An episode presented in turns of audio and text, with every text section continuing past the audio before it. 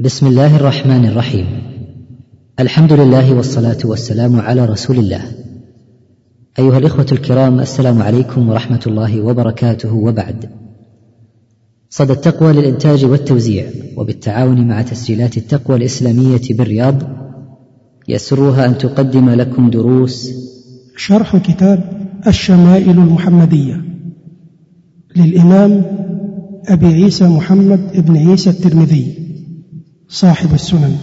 والتي قام بإلقائها فضيلة الشيخ محمد صالح المجد والآن نترككم مع الشريط الخامس.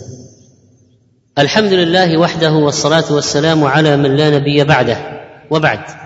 فقد قال الإمام الترمذي رحمه الله تعالى في كتابه الشمائل المحمدية باب ما جاء في مشية رسول الله صلى الله عليه وسلم. عن أبي هريرة قال ما رأيت شيئا أحسن من رسول الله صلى الله عليه وسلم كأن الشمس تجري في وجهه وما رأيت احدا أسرع في مشيته من رسول الله صلى الله عليه وسلم كأنما الأرض تطوى له إنا لنجهد أنفسنا وإنه لغير مكترث. وهذا الحديث وإن كان ضعيف الإسناد لكن قد تقدم ما يغني عنه وهو أنه عليه الصلاة والسلام كان ربعة ليس بالطويل ولا بالقصير حسن الجسم. كان شعره ليس بجعد ولا سبط إذا مشى يتكفأ. فقول إذا مشى يتكفأ يبين كيف كانت مشيته عليه الصلاة والسلام. وفي رواية إذا مشى تكفأ تكفؤا كأن من حط من صبب لم أر قبله ولا بعده مثله. ومعنى يتكفأ يتمايل إلى قدام وقيل معناه يرفع القدم من الأرض ثم يضعها. فلا يسحبها على الأرض سحبا كما يفعل الكسالى وإنما يرفعها ويضعها يرفعها ويضعها. مشية القوة والجلد والنشاط. ولا يمسح قدمه على الأرض كمشي المتبختر وإنما يمشي كأنما ينحط من صبب أي يرفع رجله في قوة وجلاده وقال ابن القيم رحمه الله كان إذا مشى تكفأ تكفؤا وكان أسرع الناس مشية وأحسنها وأسكنها. وذكر حديث أبي هريرة وحديث علي ثم قال وهي أعدل المشيات. يعني مشيته عليه الصلاة والسلام. وأروحها للأعضاء وأبعدها من مشية الهوج والمهانة والتماوت. فإن الماشي إما أن يتماوت في مشيه ويمشي قطعة واحدة كأنه خشبه محمولة وهي مشية مذمومة قبيحة وإما أن يمشي بانزعاج واضطراب مشي الجمل الأهوج وهي مشية مذمومة أيضا وهي دالة على خفة عقل صاحبها ولا سيما إن كان يكثر الالتفات حوله يمينا وشمالا حال مشيه. إذا كان يمشي مشي الجمل الأهوج ويتلفت يمين وشمال وهو يمشي. فإنها مشية قبيحة. قال وإما أن يمشي هونا وهي مشية عباد الرحمن. كما وصفهم الله بها في كتابه فقال وعباد الرحمن الذين يمشون على الأرض هونا. قال غير واحد من السلف بسكينة ووقار.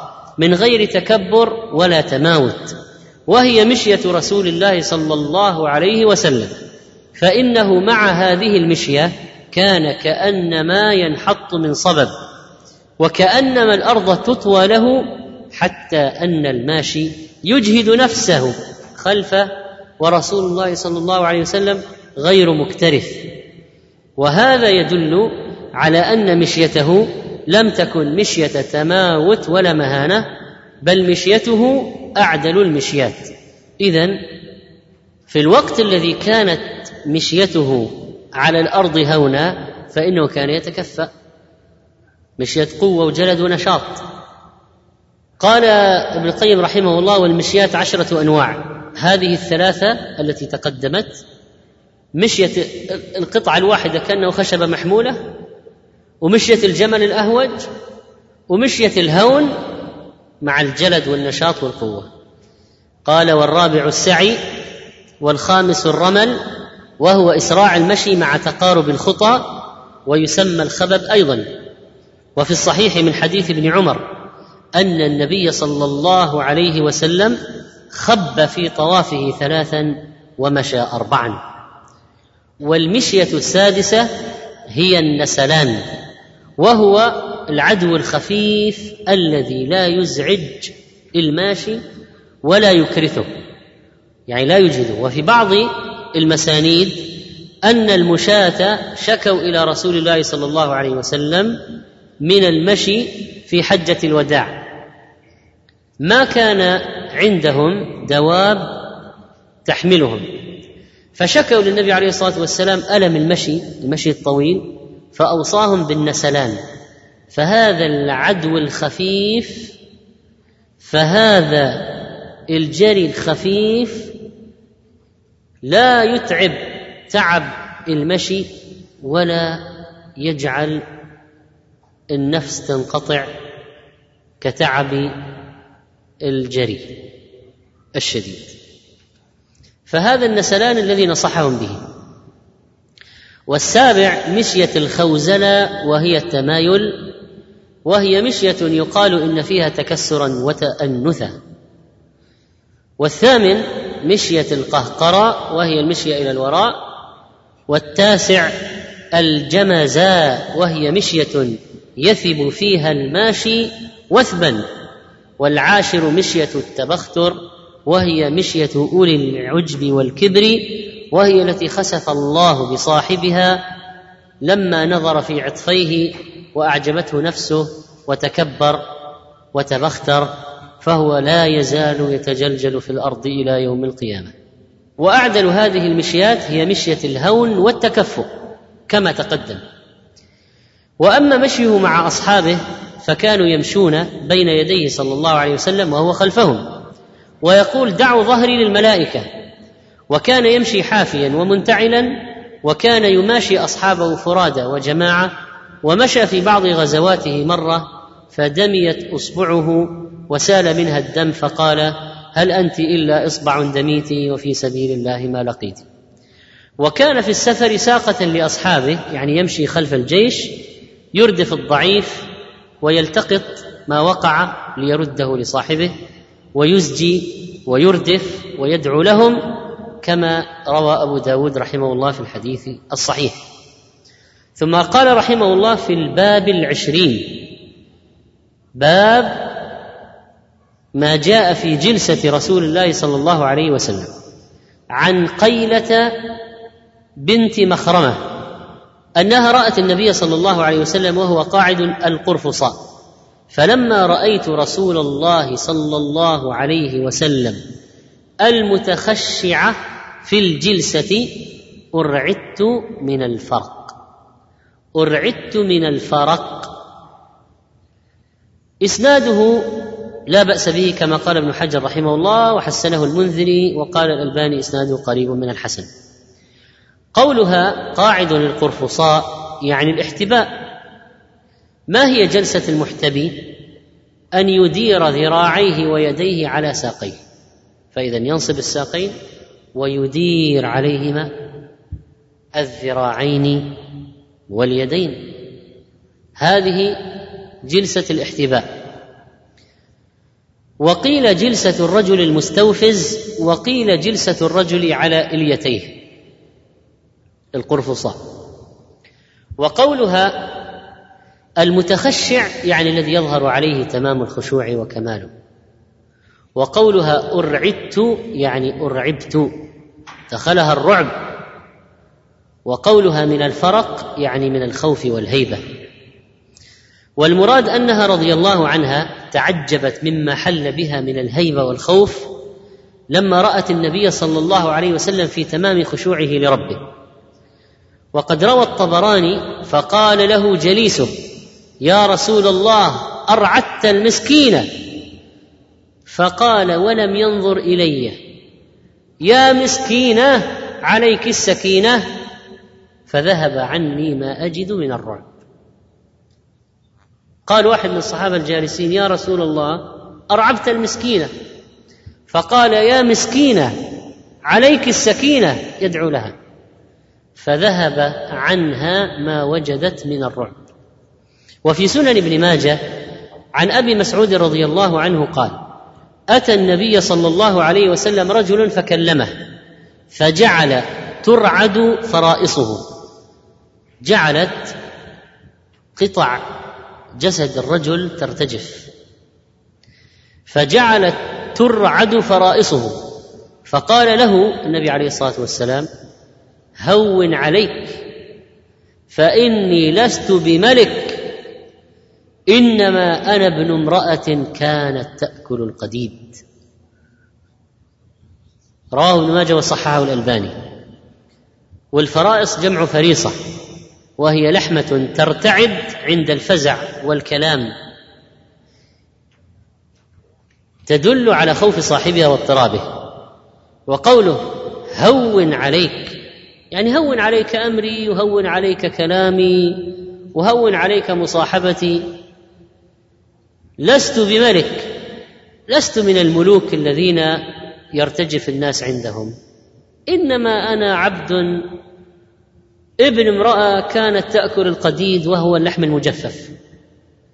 اللحم المملح المجفف في الشمس. فيقول يعني أنا يتيم. ابن امرأة كانت فقيرة تأكل اللحم المجفف. أنا لست بملك. وفي هذا الحديث من الفوائد بيان صفة النبي صلى الله عليه وسلم في جلسته وتواضعه لربه. وخشوعه له وهو عمل قلبي لكنه ظهر على هيئته صلى الله عليه وسلم. صار في هيئة المتخشع. وخشوع الإنسان لا يلزم منه التماوت ولا أن يظهر بمظهر الضعف كما يظن بعض الناس. بل ممكن يكون مهيبا ومتخشعا في ذات الوقت. وفي هذا الحديث عناية المعلم بالمتعلم وتربيته.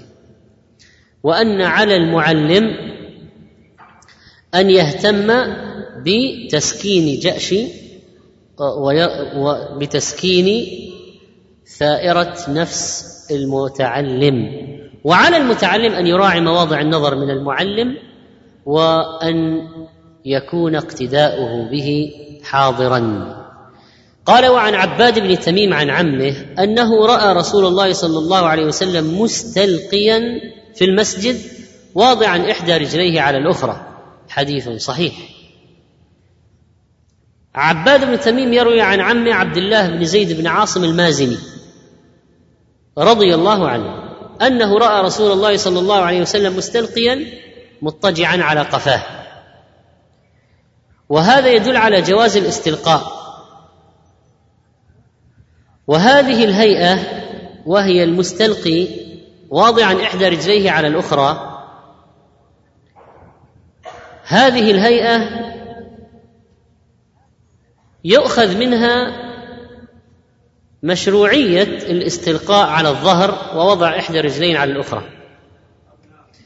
فماذا يكون إذن دلالة حديث مسلم عن جابر أن النبي صلى الله عليه وسلم قال لا يستلقين أحدكم لا يستلقين أحدكم ثم يضع إحدى رجليه على الأخرى.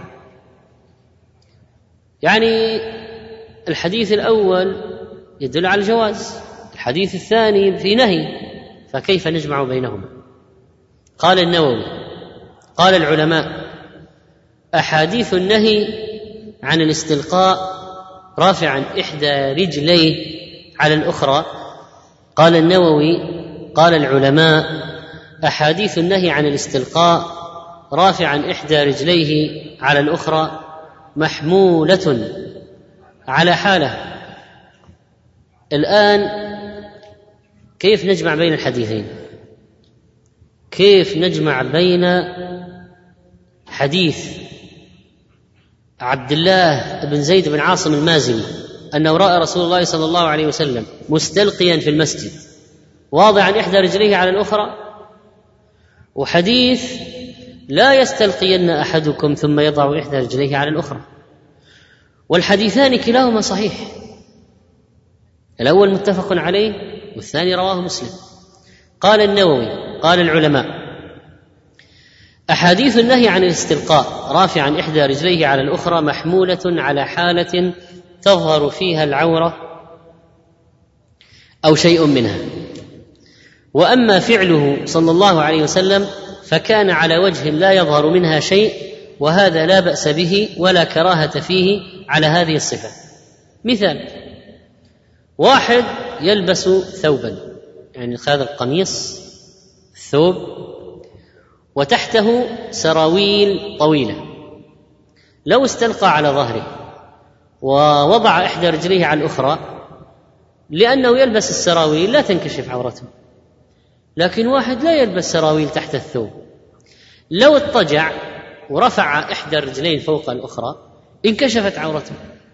إذا نحمل أحاديث النهي على استلقاء فيه رفع برجل على الأخرى بحيث تظهر العورة ونز ونحمل أحاديث الفعل والجواز على حالة لا تنكشف فيها العورة.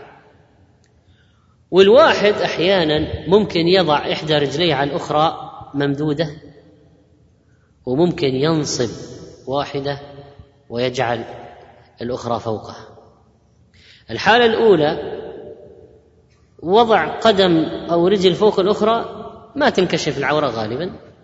الحالة الثانية إذا ما كان لا يلبس سراويل مثلا تحت الثوب تنكشف العورة. تنكشف العورة.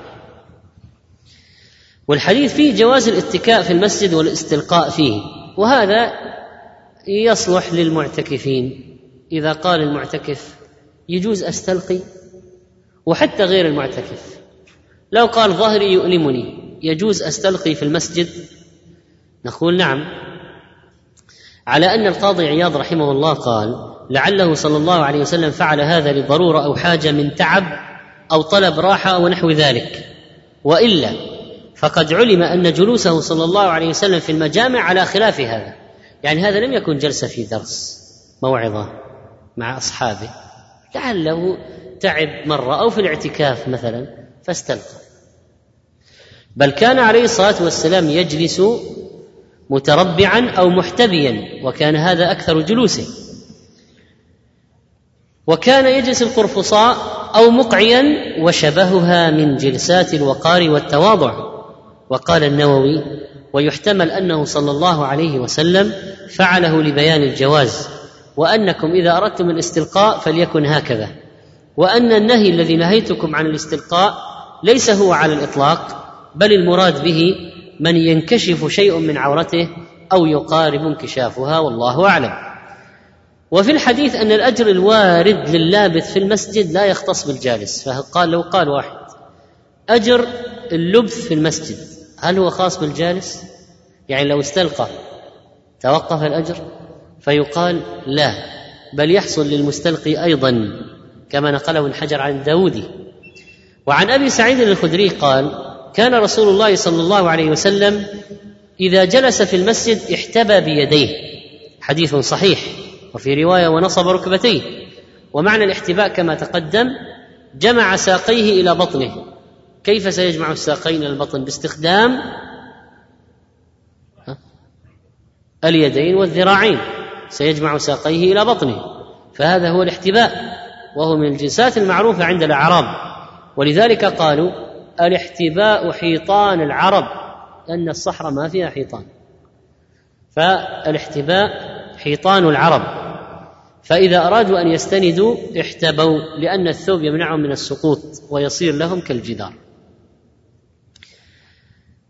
على أنه ينبغي الانتباه إلى أن الحديث بهذا اللفظ كان إذا جلس احتبى ضعيف جدا إسناده وإنما ثبت عن النبي صلى الله عليه وسلم جلوسه على هذه الهيئة في وقائع كثيرة. بعضها في الصحيحين وغيرهما من غير لفظ كان الذي يشير إلى عادة دائمة أو غالبة.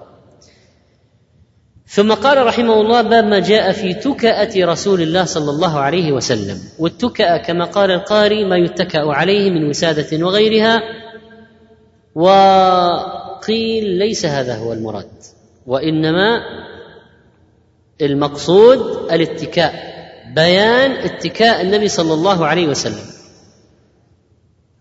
وقوله تكأة بمعنى اتكاء. وقد قال في الباب الذي يليه باب ما جاء في اتكاء النبي صلى الله عليه وسلم وغاير بينهما في مراده من كل واحدة.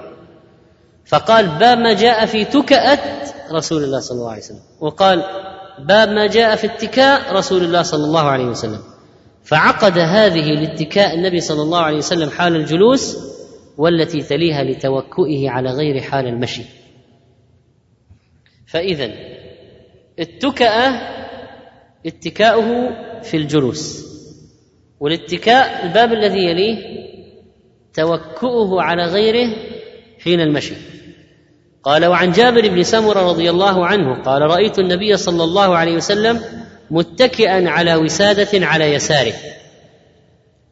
الذين قالوا اتكأ ما يتكى عليه وإنه كان يستعمل الوسادة هذا في الحديث.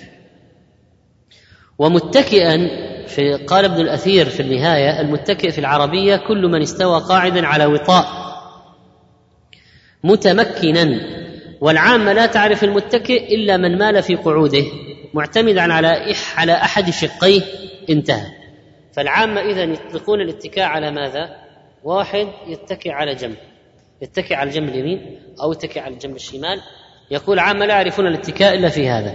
ولكن في العربية كل من استوى قاعدا على وطاء متمكنا يقال عنه متكئ. وبناء عليه يكون التربع اتكاء اتكاء. فالاتكاء يطلق على أكثر من حالة.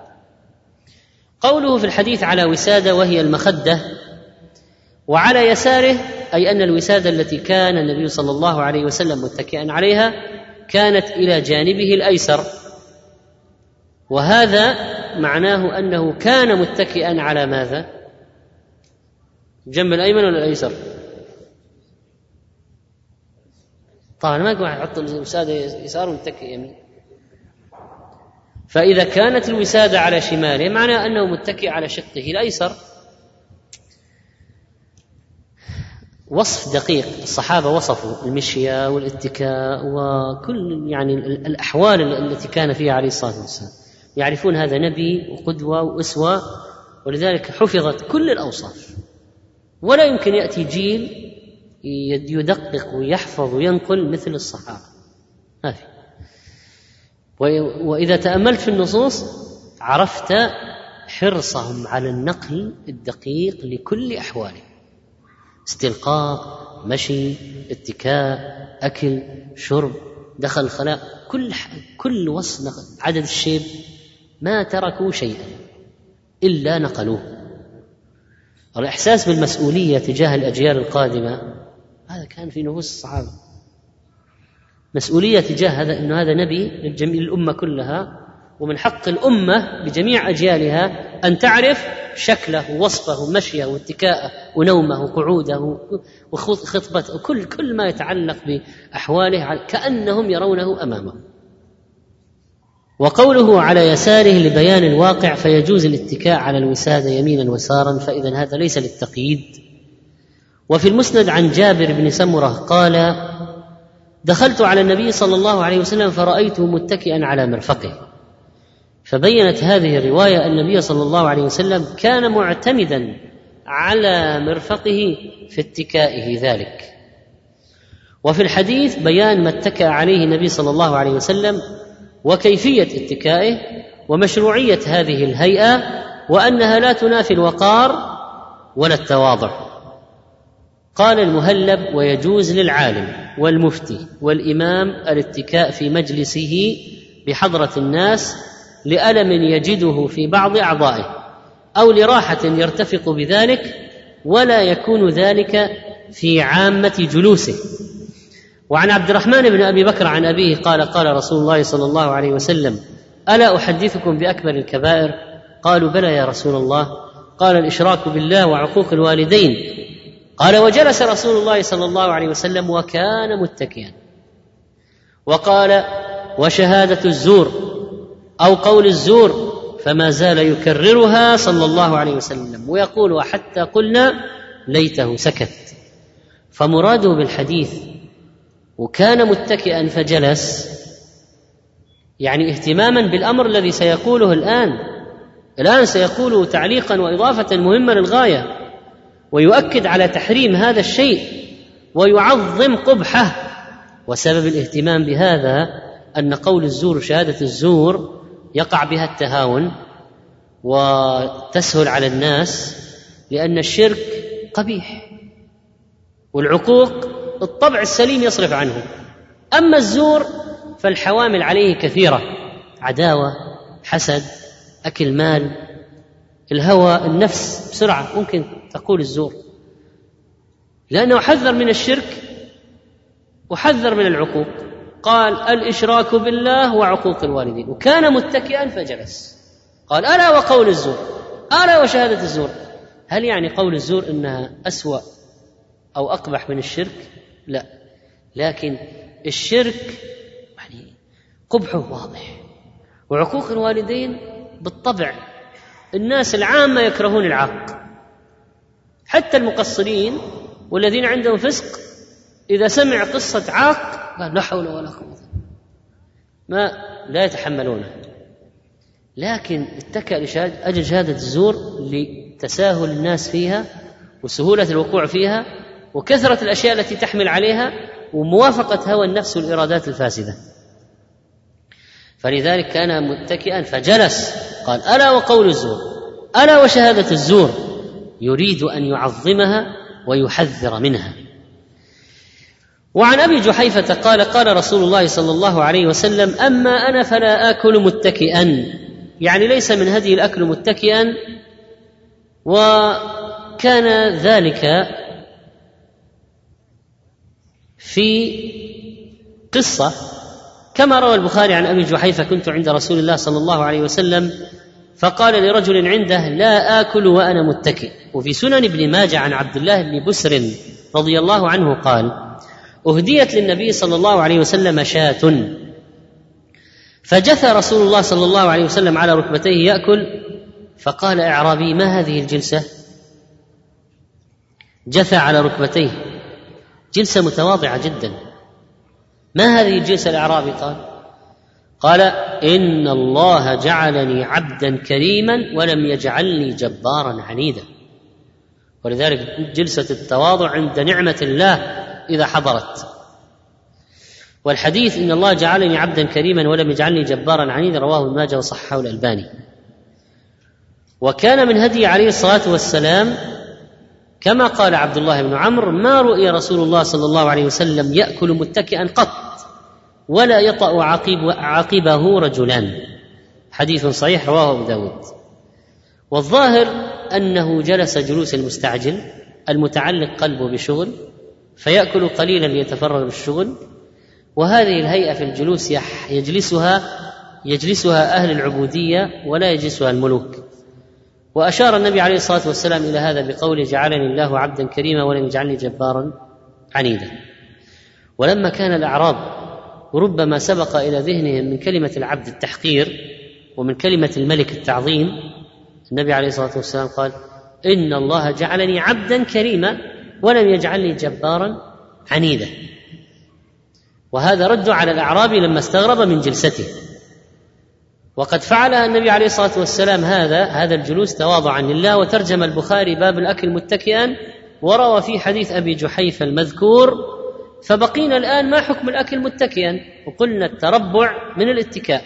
أي جلسة فيها تمكن على الأرض من الاتكاء. فما حكم ذلك؟ البخاري عنون بعنوان فيه علامة استفهام. يعني استفهاما. باب الأكل متكئا يعني ما حكمه؟ لم يجزم به بشيء لأنه لم يأتي فيه نهي صريح. قال ابن حجر رحمه الله واختلف في في صفة الاتكاء فقيل أن يتمكن في الجلوس للأكل على أي صفة كان. أي صفة؟ فيها جلسة المتمكن. وقيل أن يميل على أحد شقيه الاتكاء أن يأكل وهو مايل على أحد الشقين. قال هذا لا يناسب تواضع للنعمة. وقيل أن يعتمد على يده اليسرى بالأرض يتكئ على اليسرى ويأكل. قال الخطابي تحسب العامه أن المتكئ هو الآكل على أحد شقيه وليس كذلك بل هو المعتمد على الوطاء الذي تحته. ومعنى الحديث إني لا أقعد متكئا على الوطاء عند الأكل فعل من يستكثر من الطعام فإني لا آكل إلا البلغ من الزاد فلذلك أقعد مستوفزا. جلسة المستعجل. إذا كانت جلسته صلى الله عليه وسلم عند الأكل جلسة المستعجل وليست جلسة المتمكن الذي يريد الزيادة كما نفعل نحن إذا جلسنا في الغالب. وعن مصعب بن سليم قال سمعت انسا يقول بعثني النبي صلى الله عليه وسلم فرجعت إليه فوجدته يأكل تمرا وهو مقعن. وعند مسلم عن أنس قال أتي رسول الله صلى الله عليه وسلم بتمر فجعل النبي صلى الله عليه وسلم يقسمه وهو محتفز يأكل منه اكلا ذريعا وفي رواية اكلا حثيثا. فالمقصود بالإقعاء والاستيفاز الجلوس على وركيه غير متمكن كما ذكره ابن حجر رحمه الله جلسة المستعجل اذا جلسة المشغول جلسة الذي يريد أن يقوم ينطلق وليس جلسة المتمكن المطمئن في المكان. وأشار الفيروزبادي في القاموس إلى أن هذا الحديث يشمل كل أنواع الاتكاء سواء كان متربعا متمكنا أو كان متكئا بأي طريقة كان مائلا على الشق. والمقصود أنه كان يستوفز. وقال ابن القيم صح عنه صلى الله عليه وسلم أنه قال لا أكل متكئا وقال إنما أجلس كما يجلس العبد وأكل كما يأكل العبد. وقد فسر الاتكاء بالتربع وفسر بالاتكاء على الشيء وهو الاعتماد عليه وفسر بالاتكاء على الجنب. والأنواع الثلاثة من الاتكاء. فنوع منها يضر بالآكل وهو الاتكاء على جنب. إذا واحد اتكى على جنب يمنع مجرى الطعام الطبيعي عن هيئته ويعوقه عن سرعة نفوذه إلى المعدة. ويضغط المعدة فلا يستحكم فتحها للغذاء. وتميل ولا تبقى منتصبة فلا يصل الغذاء إليها بسهولة. وأما النوعان الآخران فمن جلوس الجبابرة المنافي للعبودية. ولهذا قال اكل كما يأكل العبد وكان يأكل وهو مقعن. ويذكر عنه أنه كان يجلس للأكل متوركا على ركبتيه. ويضع بطن قدمه اليسرى على ظهر قدمه اليمنى تواضعا لربه عز وجل وأدبا بين يديه. يضع بطن قدمه اليسرى بطن قدمه اليسرى على ظهر قدمه اليمنى. وهذه الجلسة جلسة تواضع وأدب بين يدي الطعام واحتراما للنعمة وهي أنفع هيئات الأكل وأفضلها لأن الأعضاء كلها تكون على وضعها الطبيعي الذي خلقه الله سبحانه وتعالى الذي خلقها الله سبحانه عليه. مع ما فيها من الهيئة الأدبية وأجود ما اقتدى الإنسان إذا كانت أعضاؤه على وضعها الطبيعي ولا يكون كذلك إلا إذا كان منتصبا الانتصاب الطبيعي. وأردأ الجلسات للأكل الاتكاء على الجنب لما تقدم من أن المريء وأعضاء الازدراد تضيق عند هذه الهيئة والمعدة لا تبقى على وضعها الطبيعي لانها تنعصر مما يلي البطن بالأرض. ومما يلي الظهر بالحجاب الفاصل بين آلات الغذاء وآلات التنفس. فإذا صار يمين انعصرت المعدة بين آلات الغذاء وآلات التنفس. وإن كان المراد بالاتكاء الاعتماد على الوسائد والوطاء الذي تحت الجالس فيكون المعنى المعنى إني إذا أكلت لم أقعد متكئا على الأوطية والوسائد كفعل الجبابرة ومن يريد الإكثار من الطعام. لكني آكل بلغة كما يأكل العبد. قال الحافظ بن حجر رحمه الله واختلف السلف في حكم الأكل متكئا فزعم ابن القاص أن ذلك من الخصائص النبوية وتعقبه البيهقي فقال قد يكره لغيره أيضا لأنه من فعل المتعظمين وأصل مأخوذ من ملوك العجم. قال فإن كان بالمرء مانع لا يتمكن معه من الأكل إلا متكئا لم يكن في ذلك كراهة. مثل واحد مثلا في رجله شيء كسر جبس ما يمكن له أن يمد رجله ويتكئ ويأكل فلا مانع. ثم عن ساق ثم ساق عن جماعة من السلف أنهم أكلوا كذلك وأشار إلى حمل ذلك عنهم على الضرورة وفي الحمل نظر. وممن صرح بالكراهة الإمام النووي وترجم على ذلك في رياض الصالحين باب كراهية الأكل متكئا. اذا الاتكاء يحمل على التربع. الاحتكاء يحمل على التمكن من المكان والجلوس على وطاء مثلا فرشة تحتك وأنت تأكل. الاتكاء يحمل على الاتكاء على وسادة. الاتكاء يحمل على الميل على أحد الشقين. كل ذلك اتكاء. إني لا أكل متكئا اذا ليست هذه من جلسات المستحبة عند الأكل. جلسة المتوفز جلسة المنتصب المعتدل الذي ينزل الطعام إلى معدته بشكل مستقيم سلس سهل. هذا هو الوضع الصحي للطعام. إذا نصبت اليمنى وجلست على اليسرى كذلك.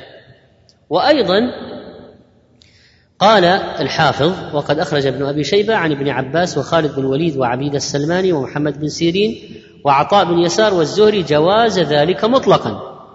وإذا ثبت كونه مكروها أو خلاف الأولى فالمستحب في صفة الجلوس للآكل أن يكون جاثيا على ركبتيه وظهور قدميه. اذا الركبتين على الأرض وظهور القدمين من وراء منصوبة. هذه طريقة. أو ينصب الرجل اليمنى ويجلس على اليسرى. ينصب الرجل اليمنى ويجلس على اليسرى. هذه طريقة أخرى. أي جلسة فيها هيئة المستوفز المستعجل ليست جلسة المطمئن. فلا فهذه طيبة. واختلف في علة الكراهة في قضية الاتكاء وأقوى ما ورد في ذلك ما أخرجه ابن أبي شيبة من طريق إبراهيم النخعي. قال كانوا يكرهون أن يأكلوا اتكاءة مخافة أن تعظم بطونهم. وإلى ذلك تشير بقية ما ورد فيه من الأخبار فهو المعتمد ووجه الكراهة فيه ظاهر وكذلك ما أشار إليه ابن الأثير من جهة الطب وقضية عصر المعدة وعدم نزول الطعام بشكل سهل. وأخيرا فإن الباب التالي لهذا الباب ما جاء في اتكاء رسول الله صلى الله عليه وسلم لم يذكر فيه المؤلف إلا حديثا واحدا ضعيفا كما بينه الشيخ الألباني. وسبقت الإشارة إلى أن مراده بذلك اتكاؤه صلى الله عليه وسلم على غيره عند المشي. والله تعالى أعلم وصلى الله على نبينا محمد. الحمد لله رب العالمين وصلى الله على نبينا محمد وعلى آله وصحبه أجمعين. وبعد فقد قال الإمام الترمذي رحمه الله تعالى في كتابه الشمائل المحمدية الباب الرابع والعشرون باب ما جاء في صفة أكل رسول الله صلى الله عليه وسلم. عن ابن لكعب بن مالك عن أبيه أن النبي صلى الله عليه وسلم كان يلعق أصابعه الثلاث. وقوله يلعق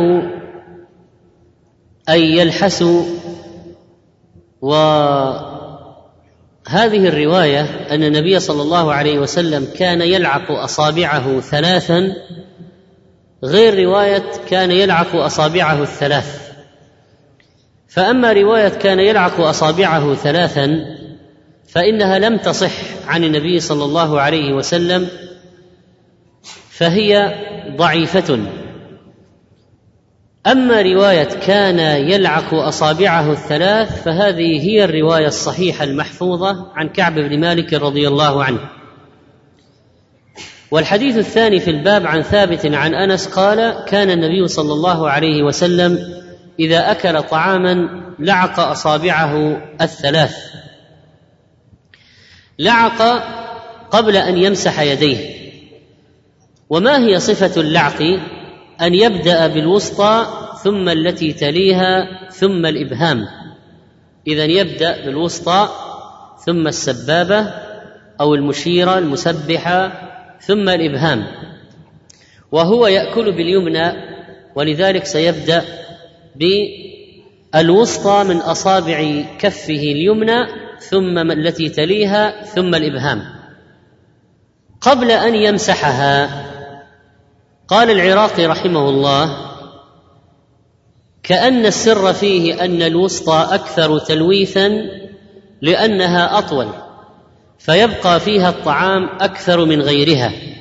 هذا سبب لماذا يبدأ بالوسطى. ويحتمل أن الذي يلعق يكون بطن كفه إلى جهة يمينه فإذا ابتدأ بالوسطى ثم انتقل إلى السبابة على جهة يمينه وكذلك الإبهام. بخلاف ما لو بدأ بالإبهام فإنه ينتقل إلى جهة اليسار وهذا أظهر الاحتمالات كما قال المناوي. اذا يبدأ بالوسطى لأنه ينتقل لما بعدها على جهة اليمين والمشي إلى جهة اليمين مفضل في الشريعة. لكن لو بدأ بالإبهام سيمشي إلى جهة الشمال. ولذلك يبدأ بالوسطى في اللعق.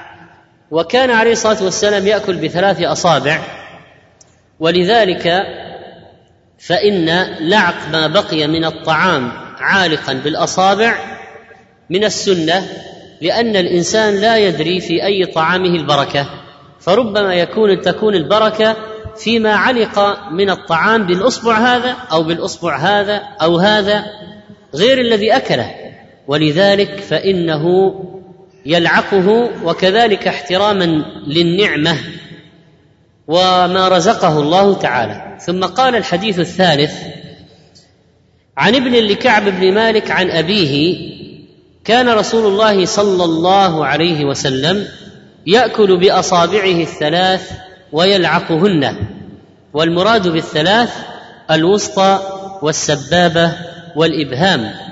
وجاء كذلك في رواية الكعب بن عجرة عند الطبراني رأيت رسول الله صلى الله عليه وسلم يأكل بأصابعه الثلاث بالإبهام والتي تليها والوسطى وقوله يلعقهن الحكمة من اللعق ما قاله عليه الصلاة والسلام إنكم لا تدرون في أيه البركة وفي رواية لا يدري في أي طعامه البركة. قال النووي رحمه الله معناه والله أعلم أن الطعام الذي يحضره الإنسان فيه بركة ولا يدري أن تلك البركة فيما أكله أو فيما بقي أسفل القصعة أو في اللقمة الساقطة فينبغي أن يحافظ على هذا كله لتحصل البركة. ينبغي أن يحافظ على هذا كله لتحصل البركة. فاذا قول النووي رحمه الله يدل على أي شيء؟ على أن فائدة اللعق إدراك البركة لأنه لا يدري في أي شيء هي. هل هي فيما اكله أو فيما بقي أسفل القصعه أو في اللقمة الساقطة أو فيما علق بأصابعه؟ ولعق الطعام محافظه على بركة الطعام ويؤخذ من الحديث استحباب الأكل بثلاث أصابع ولا يضم إليها الرابعه والخامسه إلا لعذر بأن يكون مرقا أو غيره مما لا يمكن بثلاث. مثل الأرز فلا بأس أن يأكل بأكثر من ثلاث لأنه يصعب جدا أكل الرز بثلاث أصابع.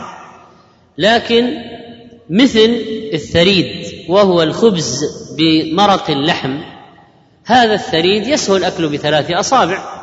فما كان يسهل الأكل بثلاث أصابع فإن الإنسان يحرص على السنة فيه وما لا يمكن اكله بثلاث أصابع أكله بأكثر. وفي الحديث رد على من أنكر لعق الأصابع استقذارا. وليس المقصود أنه يلعقها في وسط الطعام ثم يدخلها في طعام الجماعة ولكن بعد انتهائه من الطعام. متى موضع اللعق بعد انتهائه من الطعام؟ وفي حديث ابن عباس أنه صلى الله عليه وسلم قال إذا أكل أحدكم طعاما فلا يمسح يده حتى يلعقها أو يلعقها.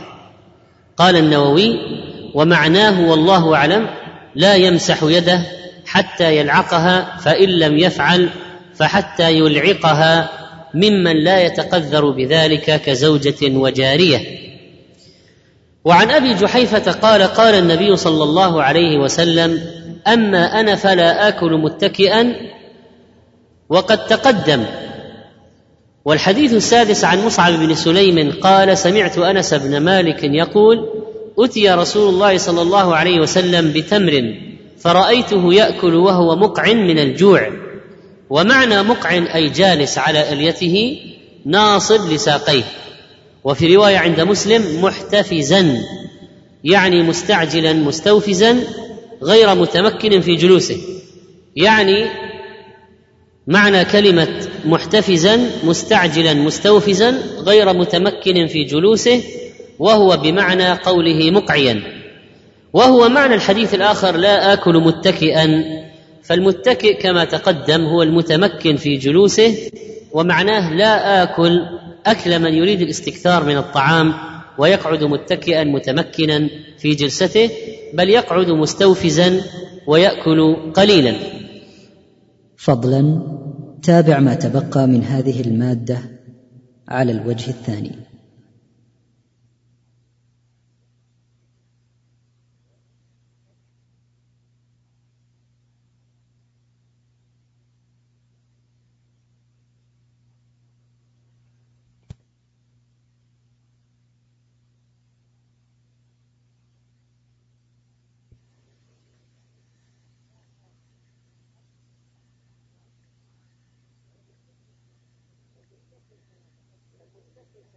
فالمتكئ كما تقدم هو المتمكن في جلوسه ومعناه لا آكل أكل من يريد الاستكثار من الطعام ويقعد متكئا متمكنا في جلسته بل يقعد مستوفزا ويأكل قليلا.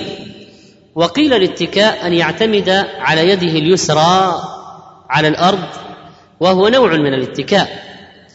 وهذه فيها إشارة من مالك رحمه الله الذي قال وهو نوع من الاتكاء إلى كراهة كل ما يعد الأكل فيه متكئا ولا يختص بصفة معينة لأنه قد قيل أن الاتكاء أيضا هو الميل على أحد الشقين كما قال ابن الجوزي رحمه الله.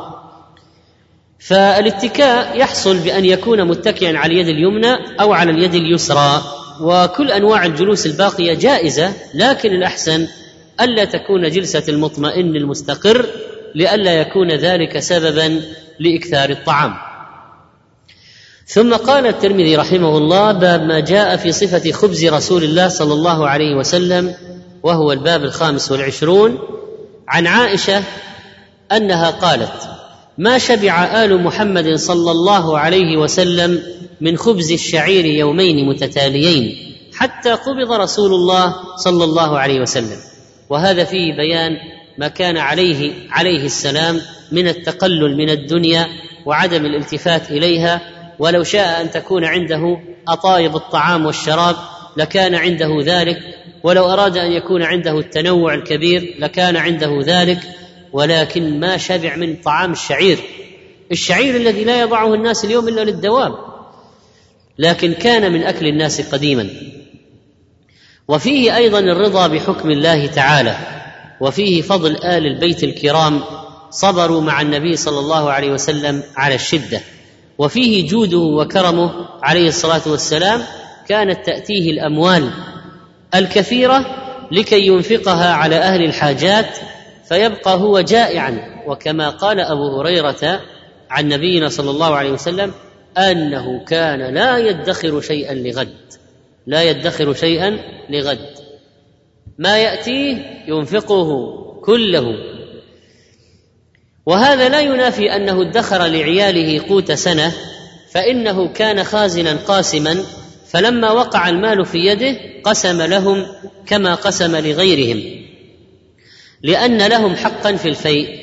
وقال ابن دقيق العيد رحمه الله لا يدخر شيئا لغد على الادخار لنفسه. وحديث يحبس لاهله قوت سنتهم على الادخار لغيره لأن الأهل لهم حق. ولو كان في ذلك مشاركة فكان عليه الصلاة والسلام اذن يجود بما عنده ما يكون لنفسه فهو يتصدق به ما يكون لنفسه فهو يتصدق به. وسار الصحابة على دربه فقد جاء لعمر مال فأرسل به غلاما له قال اذهب به إلى أبي عبيدة. فقل هذا من عمر وامكث عنده فانظر بما يصنع وأخبرني. فذهب الخادم بالمال إلى أبي عبيدة يقول له هذا من عمر. فدعا أبو عبيدة رضي الله عنه لعمر ودعا بغلامه. فقال هذه لفلان وأعطاه وهذه لفلان أعطاه. وهذه اذهب بها إلى فلان وأعطاه. اذهب بهذا إلى فلان ما انفض المجلس وبقي عنده منه شيء. أبو عبيدة أذهبه كله. فرجع رسول عمر إلى عمر يقول أبو عبيدة فعل كذا كذا. أعطيناه الدراهم قسمها في نفس المجلس ما أبقى منها شيئا. فأعطاه عمر أخرى وقال خذها إلى معاذ. فذهب بها الرسول إلى معاذ رضي الله عنه يقول هذه من عمر فدعا له. ثم إن معاذا دعا بالمال وقال لمن عنده اذهبوا بهذا إلى فلان اذهبوا بهذا إلى فلان اذهبوا بهذا إلى بيت فلان. وقسمه. ولما أوشك المال على النفاذ صرخت زوجة معاذ من داخل البيت قالت ونحن؟ فإنا والله مساكين. اقسم لنا زوجة معاذ. فنظر فإذا بقي بقي اثنان أو ثلاثة فأعطاهما لزوجته. فلما رجع الرسول إلى عمر يقول وهكذا فعل معاذ؟ فقال إنما هم إخوة بعضهم من بعض. يعني هذه تربية الصحابة. لا يستغرب. المنهج واحد والتربية واحدة فالنتيجة واحدة. تصرفات والأفعال يدور بعضها على بعض. قال وعن أبي أمامة الباهلي قال ما كان يفضل عن أهل بيت رسول الله صلى الله عليه وسلم خبز الشعير؟ قال المبارك فوري رحمه الله لم يتيسر لهم من دقيق الشعير ما إذا خبزوه يفضل عنهم لا يزيد. وعن ابن عباس قال كان رسول الله صلى الله عليه وسلم يبيت الليالي المتتابعة طاويا هو وأهله لا يجدون عشاء وكان أكثر خبزهم خبز الشعير.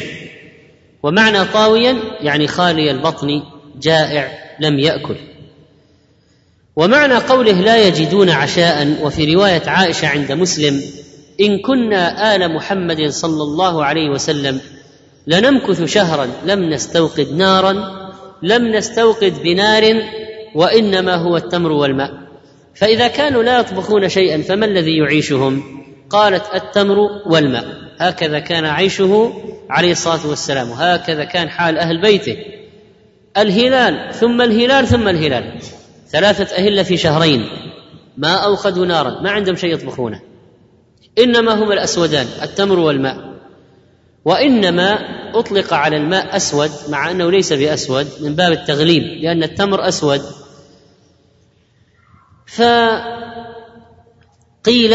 الأسودان من باب التغليب كما يقال أيضا القمران للشمس والقمر من باب التغليب ويقال العمران أبو بكر وعمر من باب التغليب. قال عروة يا عائشة فما كان يا خالة فما كان يعيشكم؟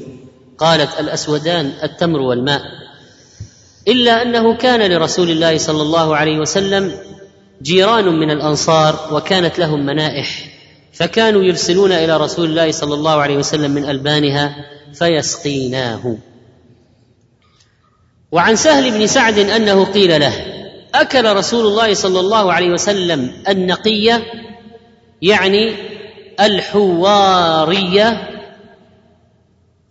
قال سهل ما رأى رسول الله صلى الله عليه وسلم النقي حتى لقي الله عز وجل. فقيل له هل كانت لكم مناخل على عهد رسول الله صلى الله عليه وسلم؟ قال ما كانت لنا مناخل. قيل كيف تصنعون بالشعير؟ قال كنا ننفخه فيطير منه ما طار ثم نثريه ثم نعجنه. هذا الحوار بفتح الراء. هذا الحوار هو الذي نخل مرة بعد مرة حتى يصير نظيفا أبيض. فقال الرجل لسهل أكل رسول الله صلى الله عليه وسلم النقي يعني الحوار المنخول الدقيق الأبيض الصافي؟ قال ما رآها أصلا. ما رآه مو فقط ما أكله ما رآه. والمقصود ما رآه منذ أن بعثه الله إلى أن قبض. يمكن قبل البعثة كان يذهب بالتجارة إلى الروم ورأى أشياء لكن من بعد البعثة إلى أن قبضه الله ما رأى هذا. ما رأى النقي الحوار إلا ما ما رأى النقي الحوار حتى قبضه الله عز وجل. والمناخل جمع منخل. منخل وهو الغربال قيل له كيف كنتم تصنعون بالشعير؟ إذا ما عندكم غربال كيف تنقونه؟ كيف كنتم تأكلون من غير نخل؟ قال ننفخه نطيره بعد الطحن بأيدينا أو بأفواهنا. بعد ما نطحنه ننفخه. يطير اللي يطير ونعجن الباقي. نثريه نبله بالماء من ثر التراب يثريه إذا رش عليه. وهذا فيه بيان ما كان عليه النبي صلى الله عليه وسلم والصحابة من قلة ذات اليد. وعن أنس بن مالك قال ما أكل نبي الله صلى الله عليه وسلم على خوان ولا في سكرجه ولا خبز له مرقق ولا خبز له مرقق. قال فقلت لقتادة فعلى ما كانوا يأكلون. قال على هذه السفر. الخوان والخوان كلاهما صحيح بالضم والكسر المائدة المعدة. وهذا من دأب المترفين لئلا يحتاج إلى الانحناء. فالنبي عليه الصلاة والسلام ما أكل على طاولة ابدا. وكان من شأن المترفين أنهم يرفعون عن الأرض. الشيء الذي يضعون عليه الطعام يرفعونه عن الأرض. حتى لا يضطر واحد للانحناء وهو يأكل. فاخبره أنه ما أكل على خوان ولا على خوان ابدا. والسكرجة الصحاف الصغار التي توضع فيها الأشياء التي تعين على الهضم. وهذه الأشياء من المشهيات كالمخللات والسلطات توضع في السكرجات. قال أما السكرجه هذه ما رآها أصلا ولا أكل فيها.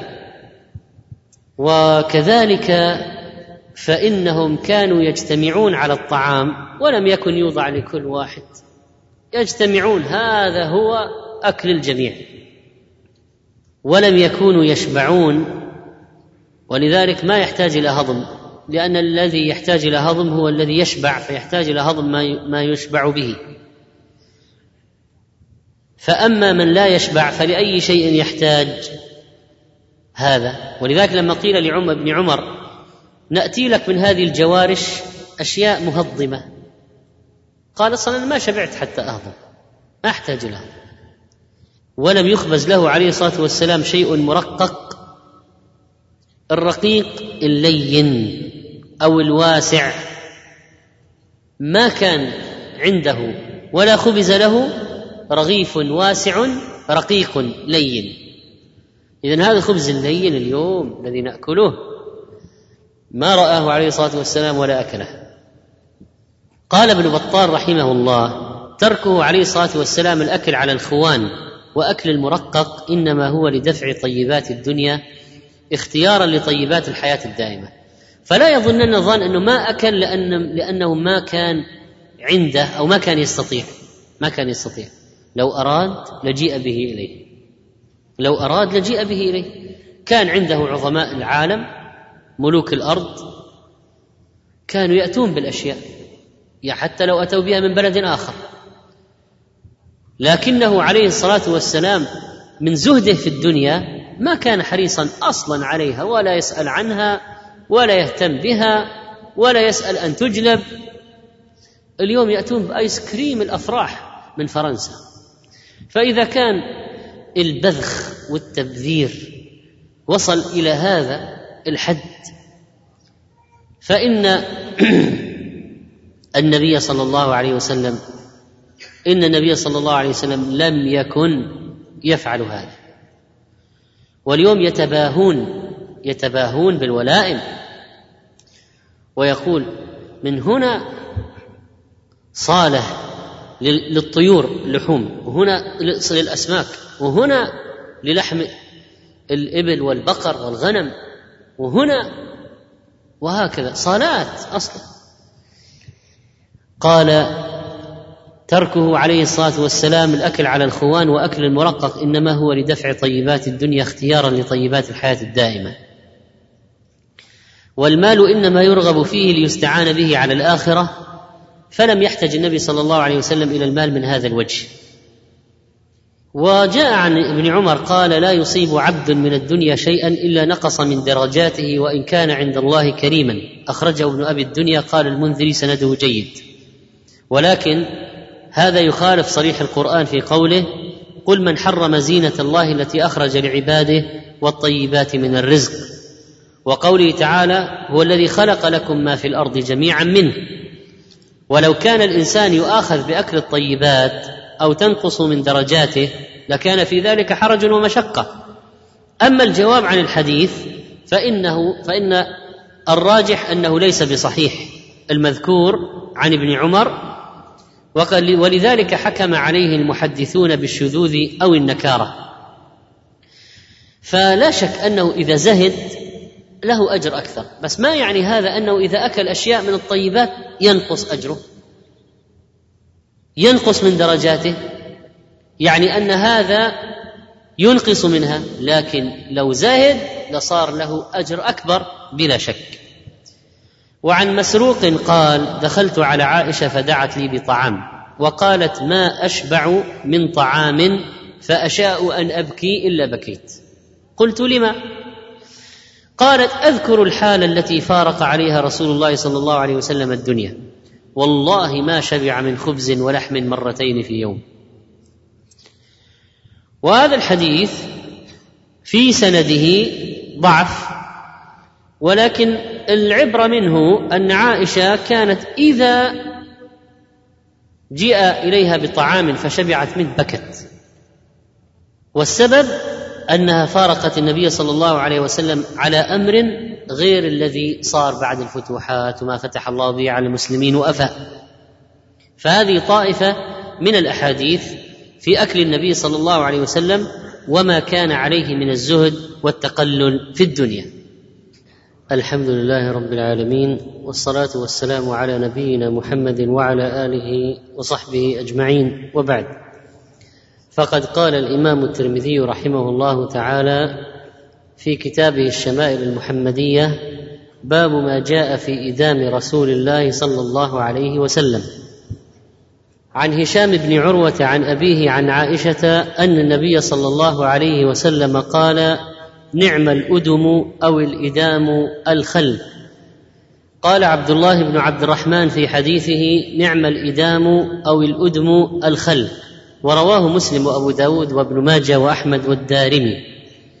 وكلمة نعمة تقال للمدح والإدام كما قال أهل اللغة ما يؤكل به.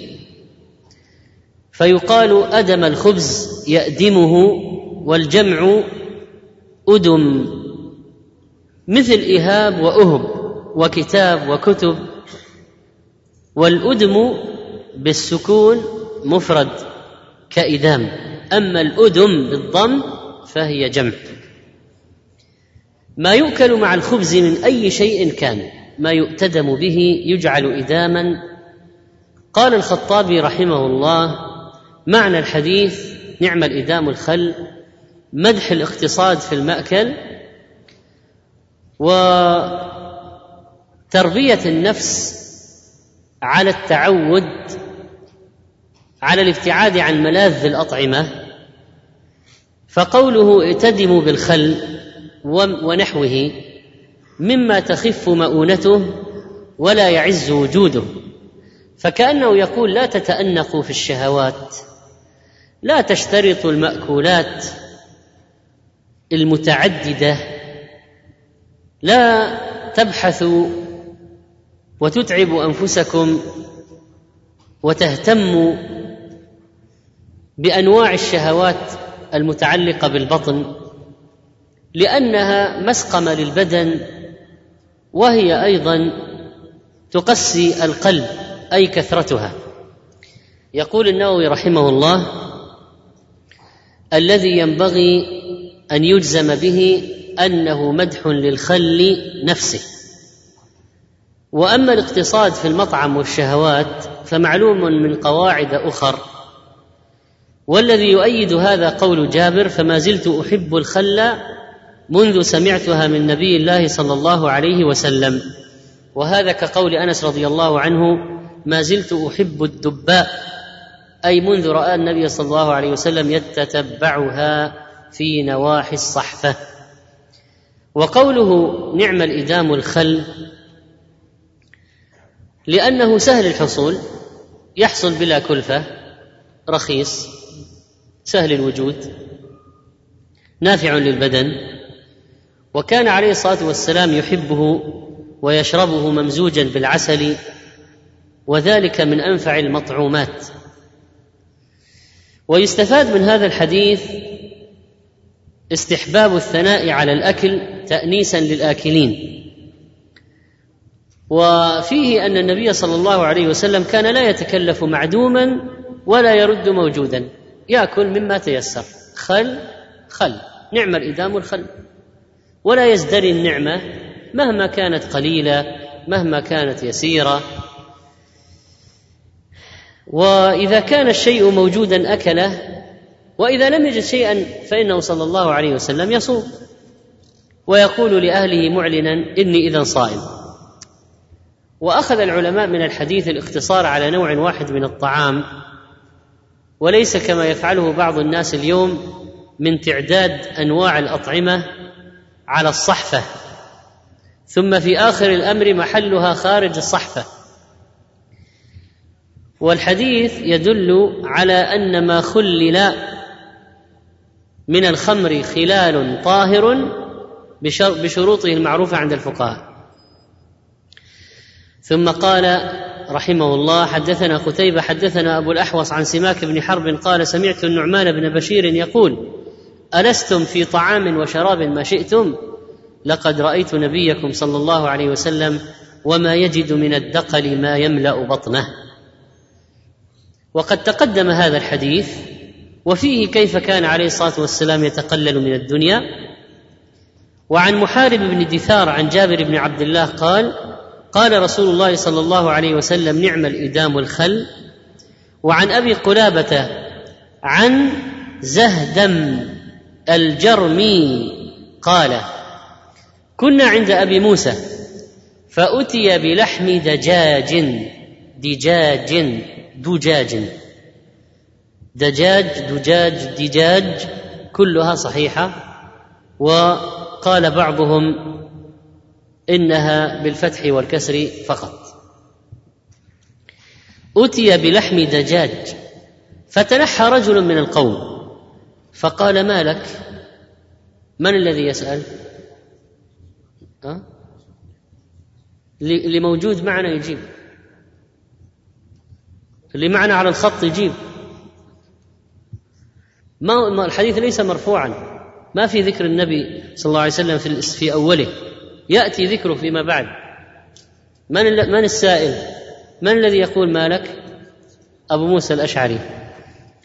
عن زهدم الجرمي قال كنا عند أبي موسى الأشعري فأتي بلحم دجاج فتنحى رجل من القوم فقال ما لك؟ لماذا تنحيت عن الطعام؟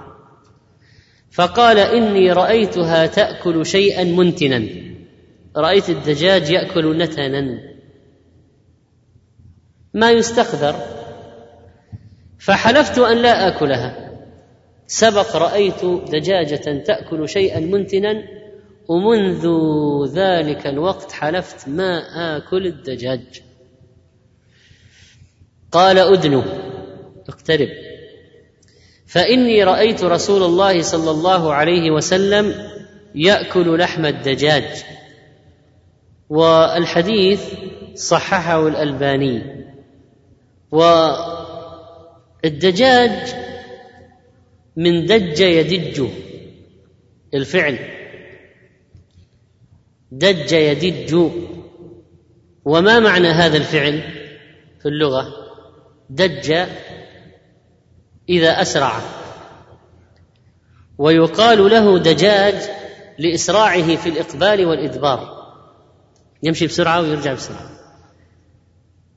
دجاج.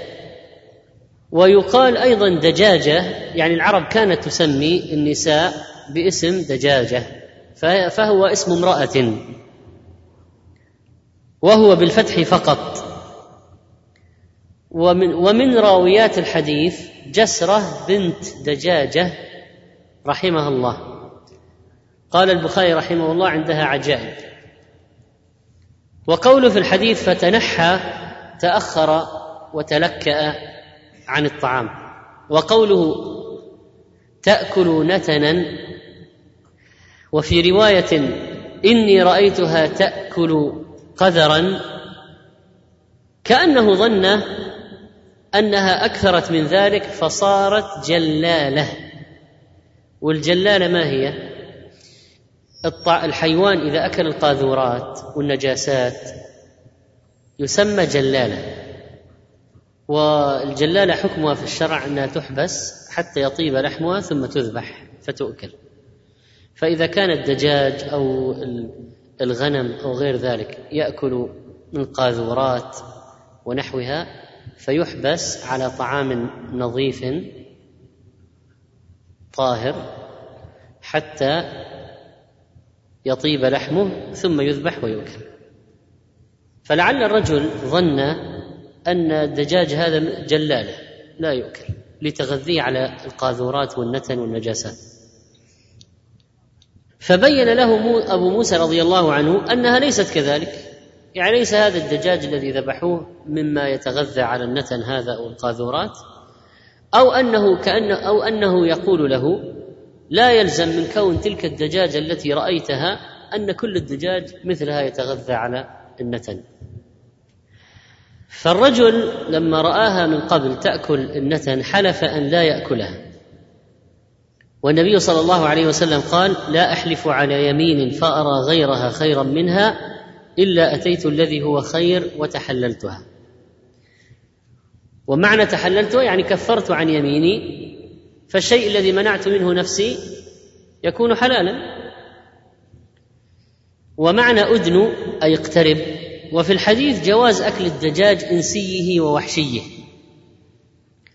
وفي الحديث جواز دخول المرء على صاحبه في حال الأكل وفيه تبيين أحكام الشرع وأن الأصل في الأطعمة الحل والتأسي بالنبي صلى الله عليه وسلم. قال وعن إبراهيم ابن عمر بن سفينة عن أبيه عن جده قال أكلت مع رسول الله صلى الله عليه وسلم لحم حبارا لكن هذا الحديث ضعيف.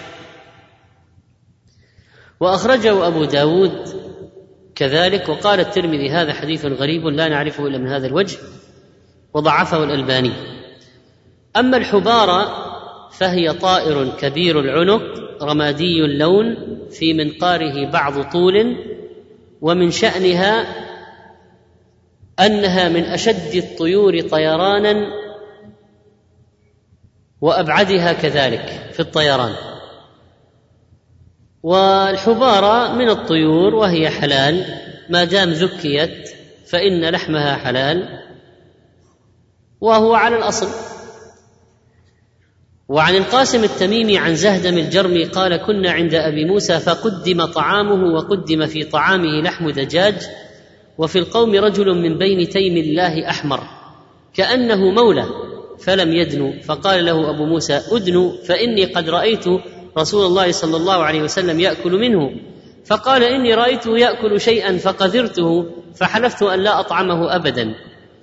والحديث تقدم وكذلك رواه البخاري ومسلم وتيم الله قبيلة اسم قبيلة. وهذا الرجل كأنه من سبي الروم. وقيل كأنه من الموالي يعني العجم. ثم قال حدثنا محمود بن غيلان حدثنا أبو أحمد الزبيري وأبو نعيم قال حدثنا سفيان عن عبد الله بن عيسى عن رجل يقال له عطاء من أهل الشام. عن أبي عن أبي أسيد قال قال النبي صلى الله عليه وسلم كلوا الزيت وادهنوا به فإنه من شجرة مباركة. وأسيد هكذا ضبطه من قال أسيد فإنه لا يصح. وقوله كلوا الزيت عليه الصلاة والسلام لما أمر فقال كلوا الزيت يعني مع الخبز واجعلوه إداما. والمراد بالزيت دهن الزيتون زيت الزيتون خلاصة وعصارة الزيتون. وقوله ادهنوا به المراد دهن شعر الرأس وكانت العرب تفعله لئلا يتشعث الشعر يعني يتفرق وتعلق به الأوساخ. والأمر هنا ليس للوجوب ولا للإلزام وإنما هو أمر إباحة وندب لمن قدر على استعماله ووافق مزاجه. فليس كل أمر يحمل على الوجوب مع أن هذا هو الأصل لكن قد يصرف هذا الأصل قد يصرفه عن الأصل إلى الاستحباب صارف. قال ابن القيم رحمه الله الدهن في البلاد الحارة كالحجاز من أسباب حفظ الصحة وإصلاح البدن وهو كالضروري لهم. لكن يمكن يكون في البلاد الباردة الأمر يختلف. اذا هذا بحسب ما يكون عليه حال الناس أو طبيعة البلد والجو والبيئة. وقوله فإنه من شجرة مباركة يعني هذا الزي هذا الزيتون يؤخذ أو هذا الزيت يؤخذ من شجرة الزيتون وهي شجرة مباركة. وهو يشير إلى قوله تعالى زيتونة لا شرقية ولا غربية. وهذه شجرة مباركة لكثرة ما فيها من المنافع ولانها تنبت في الأرض المقدسة التي بارك الله فيها. لانها تنبت في الأرض المقدسة التي بارك الله فيها. ولذلك كانت هذه الشجرة مباركة لأنها تنبت في الأرض المباركة ولأن منافعها كثيرة. ثم قال حدثنا قتيبة بن سعيد حدثنا حفص بن غياث عن إسماعيل بن أبي خالد عن حكيم بن جابر عن أبيه قال دخلت على النبي صلى الله عليه وسلم فرأيت عنده دباء يقطع فقلت ما هذا؟ قال نكثر به طعامنا.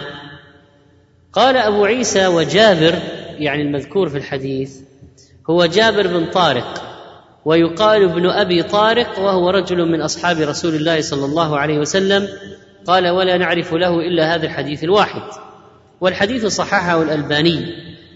وفي الحديث هذا حسن معاشرته صلى الله عليه وسلم لأهله حيث أنه كان يقوم على شؤونه بنفسه مع أنه كان أكثر الناس انشغالا إلا أن هذا لم يمنعه من تدبير أمور نفسه. فقوله رأيت عنده دباء يقطع. قلت ما هذا؟ قال نكثر به طعامنا. فالنبي عليه الصلاة والسلام اذا كان يشترك في الطعام ويكون في مهنة أهله وهذا من تواضعه عليه الصلاة والسلام. وقال خيركم خيركم لأهلي وأنا خيركم لأهلي. وعن أنس بن مالك قال إن خياطا دعا رسول الله صلى الله عليه وسلم لطعام صنعه. قال أنس فذهبت مع رسول الله صلى الله عليه وسلم إلى ذلك الطعام فقرب إلى رسول الله صلى الله عليه وسلم خبزا من شعير ومرقا فيه دباء وقديد. قال أنس فرأيت النبي صلى الله عليه وسلم يتتبع الدباء حوالي القصعة فلم أزل أحب الدباء من يومئذ. وصححه الألباني. وقد جاء الحديث عند البخاري بلفظ أن خياطا دعا النبي صلى الله عليه وسلم لطعام صنعه. قال فذهبت مع النبي صلى الله عليه وسلم فقرب خبز شعير ومرقا فيه دباء وقديد. ورأيت النبي صلى الله عليه وسلم يتتبع الدباء من حوالي القصعة فلم أزل أحب الدباء بعد يومئذ. والدباء هو اليقطين والقرع. وقد جاء في صحيح مسلم أن النبي صلى الله عليه وسلم كان يعجبه القرع وفي صحيح النساء أو وفي سنن وفي وعند النساء أنه صلى الله عليه وسلم كان يحب القرع ويقول إنه شجرة أخي يونس. إنه شجرة أخي يونس لأن الله قال وأنبتنا عليه شجرة من يقطين. وأما قوله قديد فهو اللحم المملوح المجفف في الشمس والقد في اللغة قطع الشيء طولا فإن الأشياء قد تقطع عرضا قد تقطع طولا فالقد قطع الشيء طولا. وكانوا يعملون الشرائح هذه يقطعونها ويشرحونها لأجل تعريضها للشمس لتجف فتملح وتجفف لئلا تتعفن لكي تستعمل بعد ذلك. هذا اللحم المجفف. ولأن اللحم لا يتوفر عندهم دائما فإذا توفر جففوا منه للوقت الذي لا يتوفر. وقوله يتتبع الدباء حوالي القصعة. ما معنى حوالي؟ ومن حوالي هل يعني أنه كان لا يأكل مما يليه؟ ونحن نعلم أن السنة أن الإنسان يأكل مما يليه. فما معنى يتتبع من حوالي القصعة؟ قال النووي رحمه الله هذا يحتمل أمرين. الأول من حوالي يعني جانبه وناحيته من الصفحة لا من حوالي جميع جوانبها. لأنه أمر كل إنسان أن يأكل مما يليه. فاذا هو يتتبعها مما أمامه من يمين وشمال لكن في المكان الذي أمامه من من القصعة وليس من أمام غيره. وإنما مما أمامه يمينا وشمالا مما أمامه فقط. هذا احتمال. والاحتمال الآخر أن يكون يتتبع الدباء من جميع الجوانب. فيكون النهي مخصوصا بمن يتقذر من أكلك وأخذك من أمامه. بينما النبي عليه الصلاة والسلام كانوا يتبركون بريقه ويتبركون ويتبركون بعرقه ويتبركون به عليه الصلاة والسلام وبآثاره وبماء وضوئه. فلذلك لو أخذ من أي مكان آخر فلن يتقذر أحد ولن يؤذى أحد من هذا بخلاف ما لو أكل إنسان من أمام شخص آخر.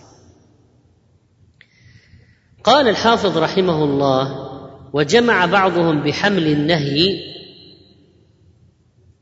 يعني النهي أن تأكل من أمام غيرك وأنك تأكل من أمامك فقط حملوا النهي على ما إذا كان الطعام نوعا واحدا. فإذا كان الطعام نوعا واحدا فلماذا تأكل مما يلي غيرك؟ كل مما يليك. لا تطيش اليد هنا وهنا في الصحن. لكن إذا كان الطعام انواع إذا كان الطعام انواعا قال ويحمل الجواز على ما إذا تنوع الطعام. فيجوز لك أن لا تأكل مما يليك إذا كان الطعام متنوعا. هب أنهم وضعوا أمامك صحنا من الفاكهة. وكان ما أمامك برتقال وما يلي غيرك تفاح وأنت تريد تفاحه فلو أخذت من التفاح لا بأس مع أنه يلي غيرك لكن لأن الطعام متنوع. فإذا يحمل الأمر بالأكل مما يليك على الأمر بالأكل ما يلي الإنسان على الإناء الذي فيه طعام من نوع واحد. فلماذا يمد يده إلى أمام غيره؟ ما يلي غيره. وأما إذا كان الطعام متنوعا فيجوز له أن يأخذ ما يريد من نواحي الإناء. وقد جاء عند الترمذي ما يؤيد هذا في حديث عكراش. وحديث عكراش في الحقيقة ضعيف لكن نصه كل من موضع واحد فإنه طعام واحد. وهذا بعد أن طاشت يده في الصحفة. ثم قال له في في أخرى كل من حيث شئت فإنه غير لون واحد. فإنه غير لون واحد. فالمعنى صحيح وإن كان هذا حديث عكراش ضعيف ما ثبت لكن المعنى صحيح. قال به أهل العلم أن الإنسان يلتزم بالأكل مما يلي إذا كان الطعام لونا واحدا أما إذا كان هناك أنواع من من الطعام فلا بأس أن يمد يده إلى مكان يريد أن يأكل منه ويأخذ منه. ما هي القصعة؟ ما يشبع عشرة أنفس. ما هي الصحفة؟ ما يشبع خمسة أنفس. فهذه أنواع من الآنية التي يوضع فيها الطعام. إن كان يجلس عليها خمسة تسمى صحفة. إن كان يجلس عليها عشرة تسمى قصعة. فأيتهما أكبر؟ القصعة. وفي حديث أنس هذا وما قبله جواز أكل الشريف طعام من دونه. وكذلك مؤاكلة الخادم. لأن أنس كان خادم عند النبي عليه الصلاة والسلام. ومع ذلك كان يؤاكل خادمه ويجلس معه ولا يفعل كفعل بعض الناس الذين يمنعون الخدم من الجلوس معهم ويقول الخادم انتظر انت في الأخير خلاك في الأخير. فلا فيتأبى ويستكبر أن يجلس مع خادمه. وفي هذا ما كان عليه النبي صلى الله عليه وسلم من التواضع واللطف بأصحابه وتعاهدهم بالمجيء إلى منازلهم. وكذلك فيه منادلة الضيفان بعضهم بعضا مما بين أيديهم. فما معنى المنادلة؟ أن يأخذ مما يلي غيره وإنما يمتنع الأخذ من قدام الآخر وإنما يمتنع من يأخذ من قدام الآخر شيئا لنفسه أو لغيره. وفي الحديث الحرص على التشبه بأهل الفضل والاقتداء بهم في المطاعم وغيرها وفيها فضيلة ظاهرة لأنس رضي الله عنه لاقتفاء آثار النبي صلى الله عليه وسلم حتى في الأشياء الجبلية. الآن أكل القرع والدباء هل هو سنة يؤجر عليها الإنسان؟ لا. لماذا؟ لأننا حسب القاعدة السابقة إذا عرضنا الفعل فعل النبي صلى الله عليه وسلم إذا عرضناه على الترتيب. هل كان الدافع له شيء من الطبيعة والجبلة أو حاجة الإنسان؟ فإذا كان كذلك لم يكن محلا للاقتداء بمعنى أنك تقول إنه سنة ويستحب يؤجر من فعلها. فإذا لم يكن الحامل له عليها حاجة الإنسان والطبيعة والجبلة فإن هذا محل الاقتداء وتؤجر عليه. فلما تكلمنا في العمامة لما تكلمنا في مثلا الأماكن التي نزل بها للخلاء في السفر مثل نزل في الطريق الفلاني ونزل دخل إلى ذهب إلى المكان الفلاني وراء الشجرة الفلانية. هل قضاء الحاجة في المكان هذا وراء الشجرة الفلانية هل هو سنة يؤجر عليه الإنسان يعني في المكان هذا تحديدا؟ لا. وإنما دعت إليه الحاجة دعت إليه حاجة الإنسان. في هذا الوقت طرا له حاجة الإنسان فنزل. كذلك لو كان شيء تقتضيه الجبلة أو مثلا كان يلبس ما يلبس الناس ويلبس العرب ويلبس العمامة فهل لبس العمامة سنة يؤجر عليه الإنسان ويثاب سنة يقال هذا مستحب؟ لأنه كان يلبس مما يلبسه قومه. فهو يلبس من لباس أهل بلده. وإذا لم يكن هذا ولا هذا اذا القضية قضية اقتداء. فالآن أكل القرع إنه كان يحب الدباء ويحرص عليه ويتتبعه في نواحي الصحفة. هذا المحبة هذه واكل الدباء. هل هو محل اقتداء ولا أم أنه شيء جبلي؟ ميل جبلي ميل نفسي فليس محلا للاقتداء. لكن أنس رضي الله عنه من شدة محبته للنبي عليه الصلاة والسلام لم يزل يحب الدباء من يومئذ يعني هو أصلا من أول ما كان يأكل يحرص على الدباء. لكن لما رأى النبي صلى الله عليه وسلم يحب الدباء صار يحب الدباء. فهذا من شدة محبة الشخص للشخص أن يحب ما يحبه يسري إليه الطبع يسري إليه الميل.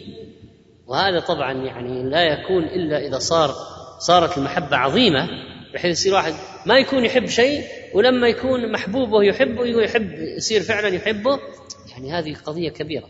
فأنس رضي الله عنه كان يحرص على الدباء من يومئذ. لما رأى النبي عليه الصلاة والسلام يتتبعها صار حريصا عليها. والله تعالى أعلم وصلى الله على نبينا محمد.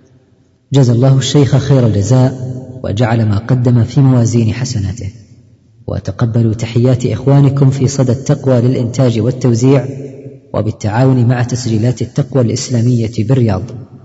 والسلام عليكم ورحمة الله وبركاته. بموجب فهرس تسجيلات التقوى فإن رقم هذا الشريط هو أربعة عشر ألفا وأربعمائة وخمسة وأربعون.